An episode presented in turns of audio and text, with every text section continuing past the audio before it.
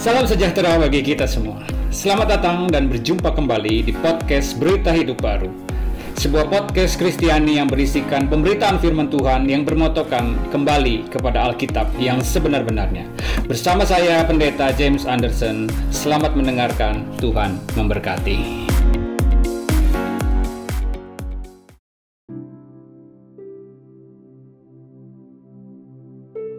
Shalom, sahabat berita hidup baru yang dikasihi Tuhan. Pada kesempatan kali ini saya akan menyampaikan firman Tuhan dengan judul Berjalan di dalam roh yang berlawanan atau di dalam bahasa Inggrisnya supaya lebih keren, Walking in the Opposite Spirit. Mari kita buka Alkitab kita terambil dari Injil Lukas pasalnya yang ke-9 ayat 51 sampai dengan ayat ke-56. Lukas pasal 9 ayat 51 sampai dengan 56 demikian firman Tuhan. Ketika hampir genap waktunya Yesus diangkat ke sorga, ia mengarahkan pandangannya untuk pergi ke Yerusalem. Dan ia mengirim beberapa utusan mendahului dia. Mereka itu pergi, lalu masuk ke suatu desa orang Samaria untuk mempersiapkan segala sesuatu baginya. Tetapi orang-orang Samaria itu tidak mau menerima dia, karena perjalanannya menuju Yerusalem. Ketika dua muridnya yaitu Yakobus dan Yohanes melihat hal itu, mereka berkata, "Tuhan, apakah Engkau mau supaya kami menyuruh api turun dari langit untuk membinasakan mereka?" Kan tetapi ia berpaling dan menegur mereka. Lalu mereka pergi ke desa yang lain. Siapa yang ingin hidupnya berbahagia, biarlah mereka yang mendengar, merenungkan, dan yang melakukan firman. Sebab saya percaya bagi mereka lah janji Tuhan akan digenapi. Amin. Bapak Ibu Saudara yang dikasihi Tuhan, apa yang saya akan sampaikan berikut ini adalah sesuatu yang tidak mudah, tetapi firman Tuhan adalah kebenaran. Jadi, baiklah kita bersama-sama mempelajarinya dan kemudian berdoa agar Roh Kudus memampukan kita untuk semua dapat melakukannya. Kalau kita melihat di dalam ayat 51, di sana dikatakan ketika hampir genap waktunya Yesus diangkat ke sorga, ia mengarahkan pandangannya untuk pergi ke Yerusalem. Dari sana kita mengetahui bahwa apa yang terjadi di sini merupakan masa-masa akhir dari pelayanan Tuhan Yesus. Di mana kita semua tahu Yesus pergi ke Yerusalem dan akhirnya dia ditangkap di Taman Getsemani, diadili di Yerusalem dan pada akhirnya mati di atas kayu salib. Oleh sebab itu, murid-murid pasti sudah melihat bagaimana kuasa Allah dinyatakan di dalam Yesus, bagaimana Yesus menyembuhkan, bagaimana Yesus mengusir setan-setan, dan juga bagaimana Yesus melakukan mujizat. Bahkan lebih daripada itu, murid-murid juga tahu bahwa mereka memiliki kuasa yang sama.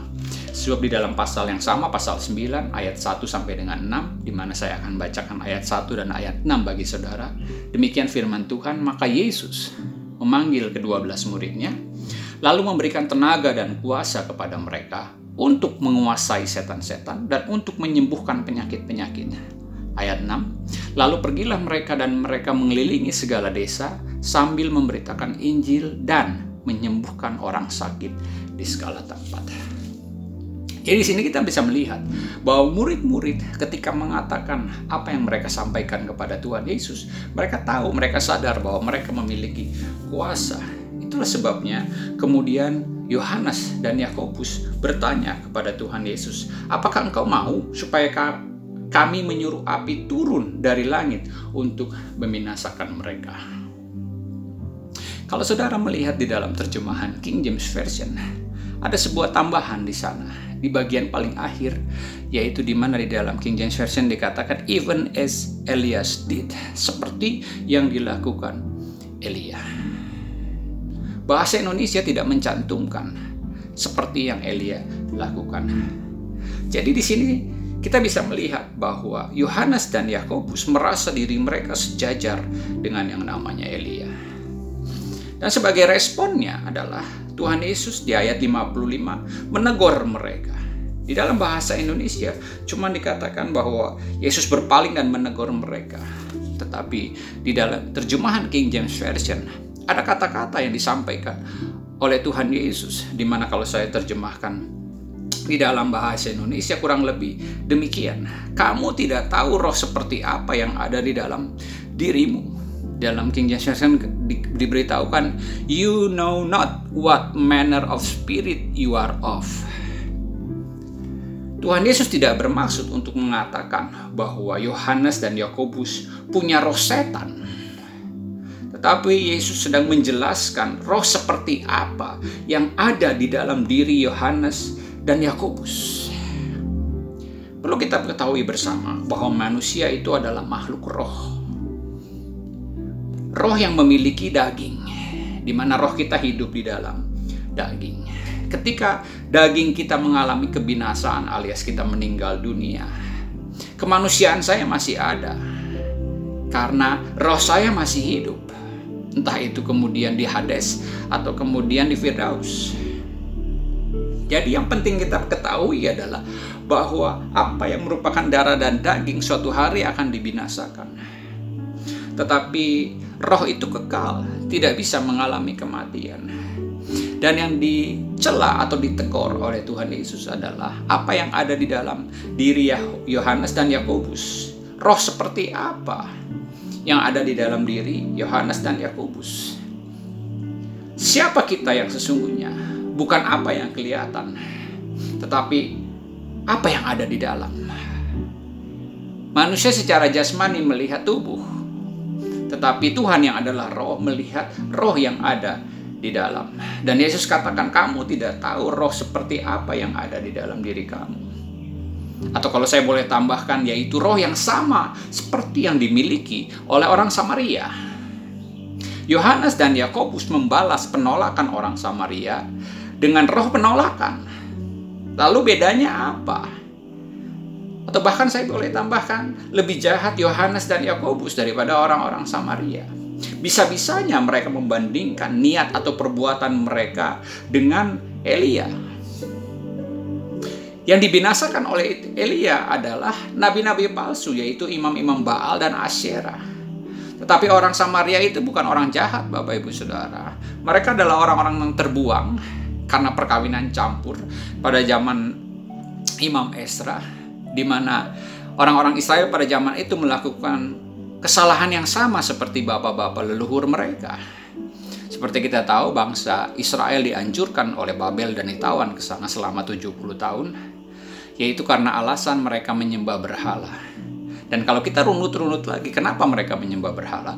Karena mereka melakukan kawin campur dengan bangsa-bangsa lain. Mereka mengambil wanita-wanita bukan Yahudi, di mana pada akhirnya wanita-wanita inilah yang membujuk orang-orang Israel untuk menyembah berhala. Karena murka Allah membangkitkan kerajaan Babel untuk menghancurkan Israel. Dan setelah ditawan 70 tahun dan Babel dikalahkan oleh media Persia. Allah bermurah hati melalui raja-raja media Persia untuk mengembalikan orang-orang Israel ke tanah Palestina, ke Yerusalem. Namun bangsa Israel melakukan kesalahan yang hampir serupa dengan bapak leluhur mereka mulai mereka mulai kawin campur. Dan kalau dibiarkan, bukan mustahil bahwa mereka juga pada akhirnya nanti akan mengulangi kesalahan yang sama dengan menyembah-penyembah berhala. Itulah sebabnya Imam Ezra melakukan sebuah ultimatum. Siapa saja yang sudah kawin campur, silakan pilih. Apakah kau mau meninggalkan istri atau boleh pergi bersama dengan istri. Nah, sebagian yang pergi memilih untuk pergi tinggal bersama-sama dengan istri mereka. Mereka inilah yang kemudian mendiami uh, apa namanya kota Samaria. Itulah sebabnya ada kebencian dari orang-orang Samaria dan pada akhir juga menimbulkan kebencian dari Yerusalem, orang-orang Yahudi kepada orang-orang Samaria. Karena orang-orang Samaria merasa dirinya tertolak, ditolak oleh bangsanya sendiri. Mereka masih menyembah Tuhan yang sama, Allah yang sama, tetapi mereka merasa tertolak seolah-olah bangsa kelas 2, umat kelas 2. Dan inilah yang melatar belakangi kepahitan atau penolakan yang dialami oleh orang-orang Samaria. Jadi kalau kita membaca dengan sesama bahwa desa yang dikunjungi oleh Yohanes dan Yakobus, yaitu sebuah daerah di Samaria, sebenarnya bukan menolak Tuhan Yesus, tetapi menolak orang Yahudi ketika mereka tahu bahwa tujuan daripada Tuhan Yesus adalah pergi ke Yerusalem. Jadi bukan Yesusnya yang mereka tolak, tetapi karena tujuan Yesus pergi ke Yerusalem karena mereka memang benci terhadap orang-orang Yahudi. Mereka merasa tertolak oleh orang-orang Yahudi.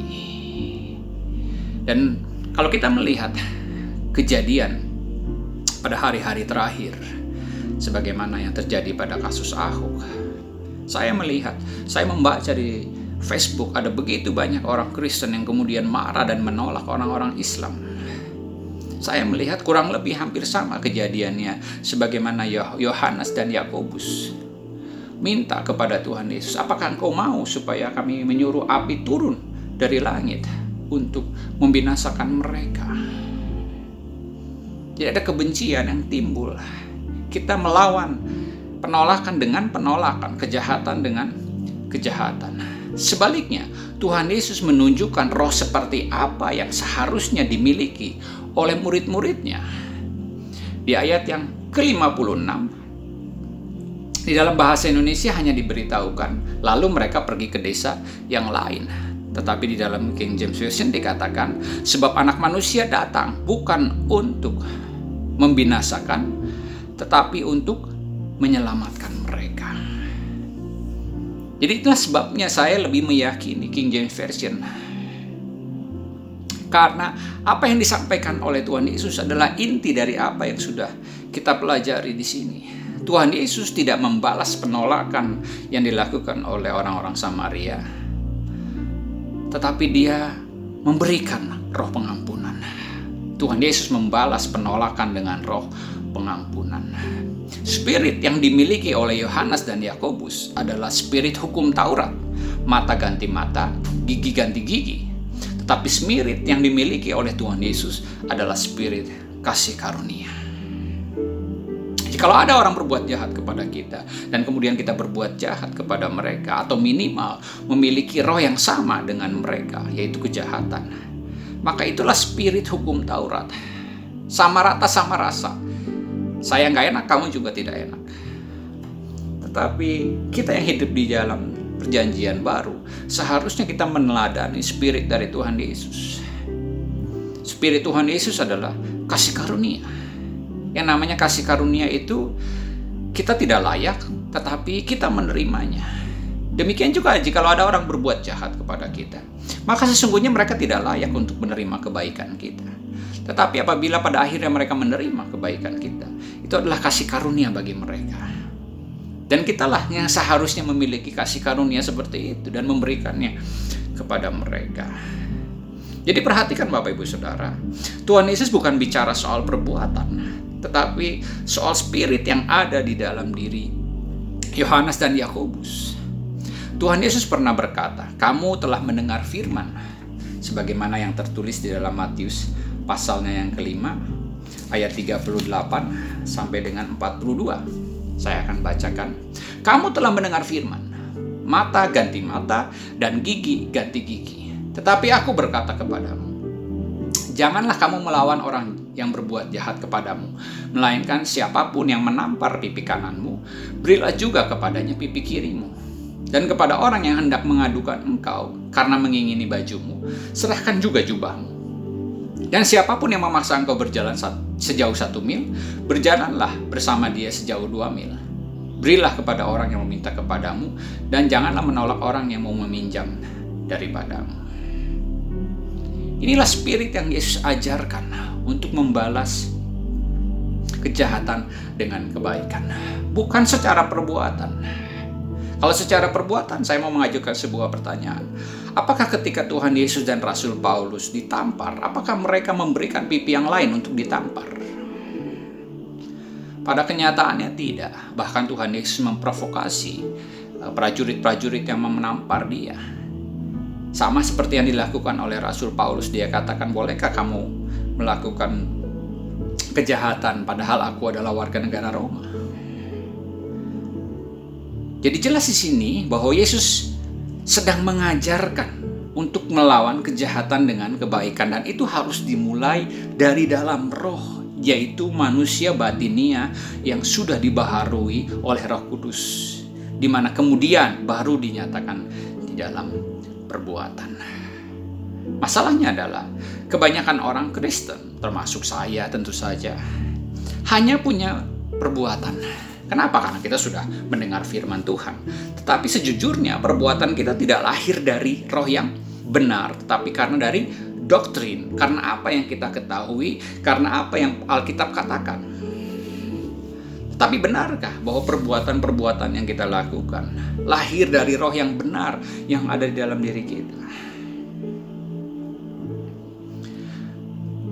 Kenapa hal ini bisa sampai terjadi?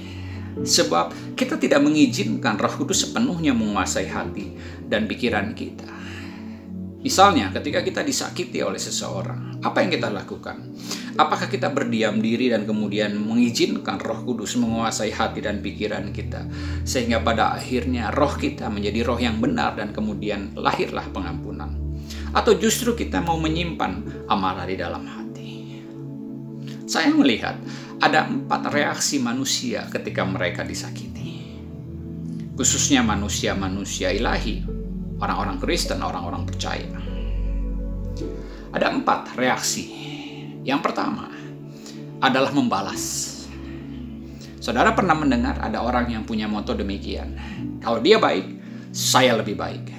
Tapi kalau dia jahat, saya lebih jahat lagi. Ah inilah spirit hukum Taurat mata ganti mata, gigi ganti gigi. Yang kedua, reaksi yang kedua adalah mereka diam alias mereka tidak membalas. Tetapi roh yang ada di dalamnya sama. Kita sebagai orang Kristen diberitahukan di dalam Alkitab tidak boleh membalas. Kemudian kita juga tahu bahwa pembalasan adalah haknya Tuhan. Jadi kita tidak membalas mereka, tetapi kita menunggu-nunggu kapan saatnya Tuhan membalas. Dan ketika terjadi suatu hal yang buruk menimpa mereka, jujur saja kita sering kali merasa senang. Oh, Tuhan sudah membalas apa yang dia lakukan terhadap kita. Saya mau katakan, apakah ini spirit dari yang namanya Tuhan? Apakah ini yang Yesus ajarkan? Bahwa di dalam hati kita walaupun kita tidak membalas secara perbuatan tetapi hati kita roh yang ada di dalam kita masih merupakan roh yang sama dengan yang dilakukan oleh orang yang berbuat jahat kepada kita. Nah, reaksi yang ketiga adalah diam, sama-sama tidak membalas, tetapi rohnya berbeda. Rohnya berlawanan. Dan inilah yang Tuhan Yesus lakukan terhadap orang Samaria. Tuhan Yesus tidak melawan atau tidak menolak eh, penolakan orang-orang Samaria dengan perbuatan-perbuatan yang memberkati mereka tidak. Yesus hanya diam. Tetapi roh yang ada di dalam Yesus adalah roh yang mengampuni.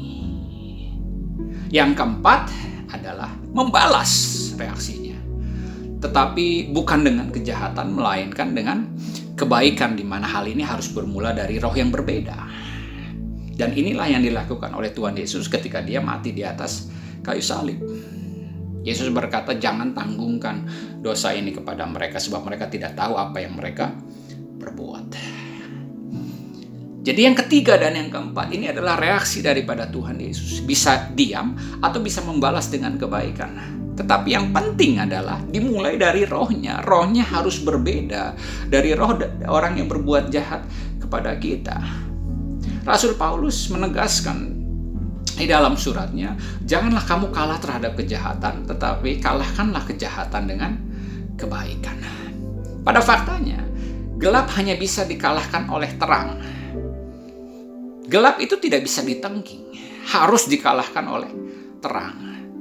Coba kalau kita berada dalam suatu ruangan yang gelap, bisakah kita menangking kegelapan di dalam nama Tuhan Yesus? Menjadi terang. Tidak bisa. Yang kita lakukan entah kita menyalakan korek api atau menyalakan lampu kalau memang ada listrik dan lain sebagainya. Pekerjaan iblis hanya dapat dikalahkan oleh pekerjaan Kristus, bukan ditangking. Saya ambil beberapa contoh, misalnya kebodohan. Kita tidak bisa melawan kebodohan hanya dengan menengking. Saya sering mendengar ada orang-orang Kristen yang berdoa dan kemudian menangking. Kami usir roh kebodohan di dalam nama Tuhan Yesus. Sampai kapan pun roh kebodohan tidak akan pernah bisa diusir.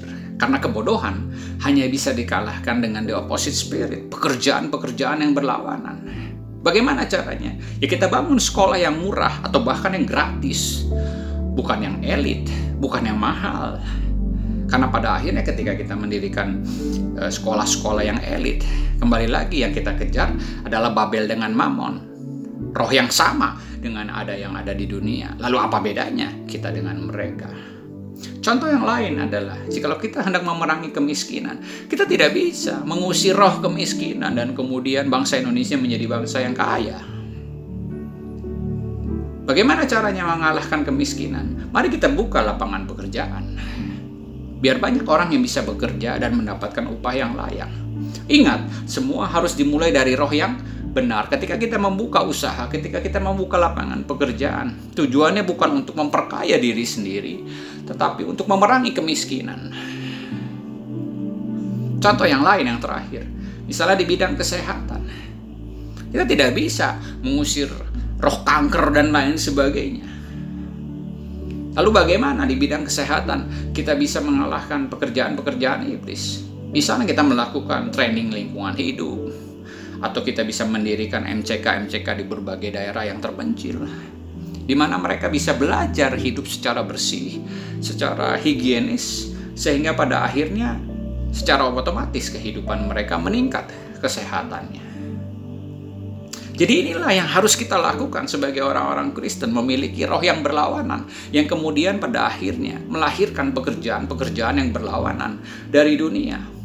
Selama fokus orang Kristen hanya beribadah, dan penginjilan, jangan harap Indonesia akan dimenangkan. Perhatikan ada penekanan kata hanya di sana. Sebab yang namanya ibadah dan penginjilan itu penting. Tetapi jikalau kita hanya berfokus kepada ibadah dan penginjilan, bukan berfokus kepada the opposite spirit, roh yang benar, maka jangan harap Indonesia akan dimenangkan. Kenapa? Karena orang muslim sama sekali tidak tertarik kepada kekristenan. Di dalam pandangan mereka, kekristenan itu lebih buruk daripada kehidupan orang-orang muslim. Kalau saudara yang pernah baca melihat salib dari Sabit itu sebuah buku, ya, saudara pasti paham apa yang saya maksudkan. Saya sendiri tidak membaca secara lengkap, tetapi saya hanya membaca ringkasan dari buku tersebut. Beberapa hal yang saya coba sampaikan adalah yang mereka soroti adalah cara bagaimana orang Kristen memperlakukan Alkitab karena orang-orang muslim sedemikian menghormati kitab suci mereka. Mereka menaruhnya harus yang paling tinggi daripada buku-buku yang lain. Dan ketika membaca mereka juga memiliki tata cara untuk memulai pembacaan. Contoh yang lain adalah soal berpakaian. Bagaimana kitabnya mereka, agamanya mereka mengajarkan khususnya orang-orang eh, para wanita berpakaian. Dan kalau kita lihat Bagaimana orang-orang khususnya misalnya saja di barat dan kemudian pada akhirnya budaya barat itu masuk ke Indonesia. Cara berpakaian orang-orang Kristen sama sekali tidak menunjukkan bahwa mereka memiliki hormat dan takut akan Tuhan. Demikian juga dalam hal bersembayang. Kalau kita perhatikan bagaimana mereka bersembahyang, mereka dengan kusuk, bahkan mereka harus namanya wudhu dulu, membersihkan diri diri terlebih dahulu untuk menghadap Tuhan. Berbeda dengan orang Kristen. Dalam hal moral, moral juga hal, hal yang sama. Jadi ada beberapa aspek yang mereka soroti dalam kehidupan kita tentu saja. Saya tahu bahwa kita bisa menjawab apa yang disampaikan dalam buku itu. Tetapi apa yang saya mau coba sampaikan kepada Bapak Ibu Saudara adalah sebuah pertanyaan roh seperti apa yang di dalam diri orang-orang Kristen yang mengaku punya Roh Kudus. Karena seharusnya roh yang ada di dalam kita berbeda dari apa yang ada di dalam dunia. Dan ketika hal itu diwujudkan di dalam kehidupan sehari-hari, itulah yang membuat kekristenan berbeda dari orang-orang di luar sana. Bukan dari khotbah, bukan dari kata-kata, tetapi di dalam roh yang berlawanan. Karena kalau benar kita memiliki roh yang berlawanan, maka tingkah laku kita juga pasti berlawanan. Nah, selama roh yang ada di dalam Kristen itu sama dengan dunia, yakinlah bahwa kita tidak akan pernah memenangkan dunia. Karena apa bedanya kita dengan orang dunia? Coba saudara tanya terhadap orang-orang barat. Pandangan mereka tentang kekristenan. Jawabannya adalah pandangan orang barat terhadap kekristenan adalah ini Bapak Ibu Saudara. Orang-orang yang hidup secara agamawi dengan peraturan-peraturan ketat yang konyol dan jagonya menghakimi. Itulah pandangan orang barat terhadap kekristenan. Suatu kali sepupu saya dari Jerman datang. Ya, jadi ayah saya menikah dengan orang Indonesia dan saya lahir di Indonesia. Sedangkan adiknya menikah dengan orang Jerman dan melahirkan anaknya di Jerman. Suatu kali dia berkunjung ke sini dan kemudian saya mengajukan sebuah pertanyaan yang sering sekali ditanyakan kepada orang-orang Eropa. Pertanyaan saya adalah, do you believe in God?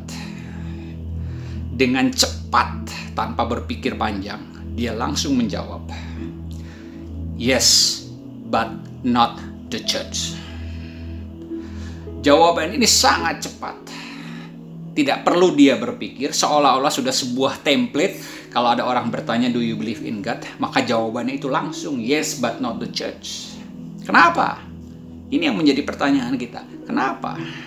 Bahwa rupanya apa yang disampaikan oleh sepupu saya ini merupakan perwakilan dari jawaban sebagian besar orang Eropa. Benar, orang Eropa banyak yang tidak percaya kepada Tuhan. Tetapi sebagian lagi yang masih percaya, meyakini ini bahwa Tuhan itu ada. Tetapi mereka sudah tidak percaya kepada gereja, kepada orang-orang Kristen. Biarlah ini menjadi sebuah pertanyaan untuk kita melakukan refleksi sebagai orang-orang Kristen. Spirit seperti apa yang ada di dalam kita? Apakah spirit yang sama dengan yang ada di dunia? Atau justru kita menunjukkan spirit yang berbeda?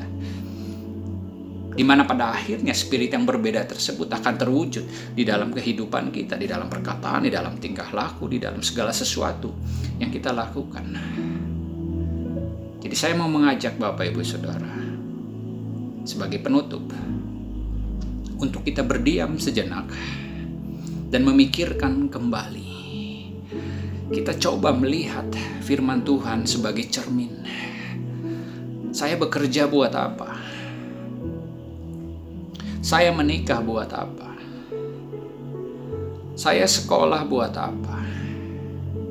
Mari kita lihat ke dalam hati kita yang jauh, bahkan sampai ke dalam roh kita sebenarnya spirit seperti apa yang ada di dalam. Apakah perbuatan-perbuatan kita semuanya lahir dari spirit yang benar, roh yang benar, karena kita cinta kepada Tuhan? Atau semuanya lahir dari doktrin? Karena seharusnya begini dan seharusnya begitu, maka itulah yang kita lakukan. Tetapi saya selalu mengajarkan hal ini kepada semua orang, di mana hal ini saya dapatkan dari istri saya, bahwa yang namanya spirit itu nyampe kepada orang jadi apa pun yang kita lakukan, spirit, orang-orang dunia menyebutnya aura, itu sampai kepada orang. Perbuatan baik, tetapi apabila lahir dari kepura-puraan, kemunafikan, orang bisa merasakannya. Jadi biarlah pada hari ini kita mulai melihat di dalam diri kita. Roh seperti apa yang ada di dalam diri kita? Benarkah kita memiliki spirit yang sama seperti Tuhan Yesus atau justru kita memiliki spirit yang sama dengan Yohanes dan Yakobus yang membalas kejahatan dengan kejahatan. Biarlah kita membalas kejahatan dengan kebaikan. Itulah yang namanya the opposite spirit. Amin.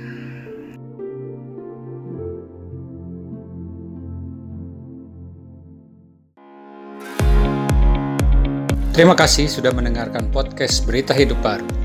Kami juga menyediakan pemberitaan firman Tuhan dalam bentuk tulisan yang dapat saudara temukan di situs kami, beritahidupbaru.blogspot.com, tanpa menggunakan spasi.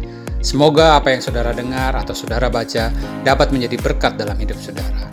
Amin. Tuhan memberkati.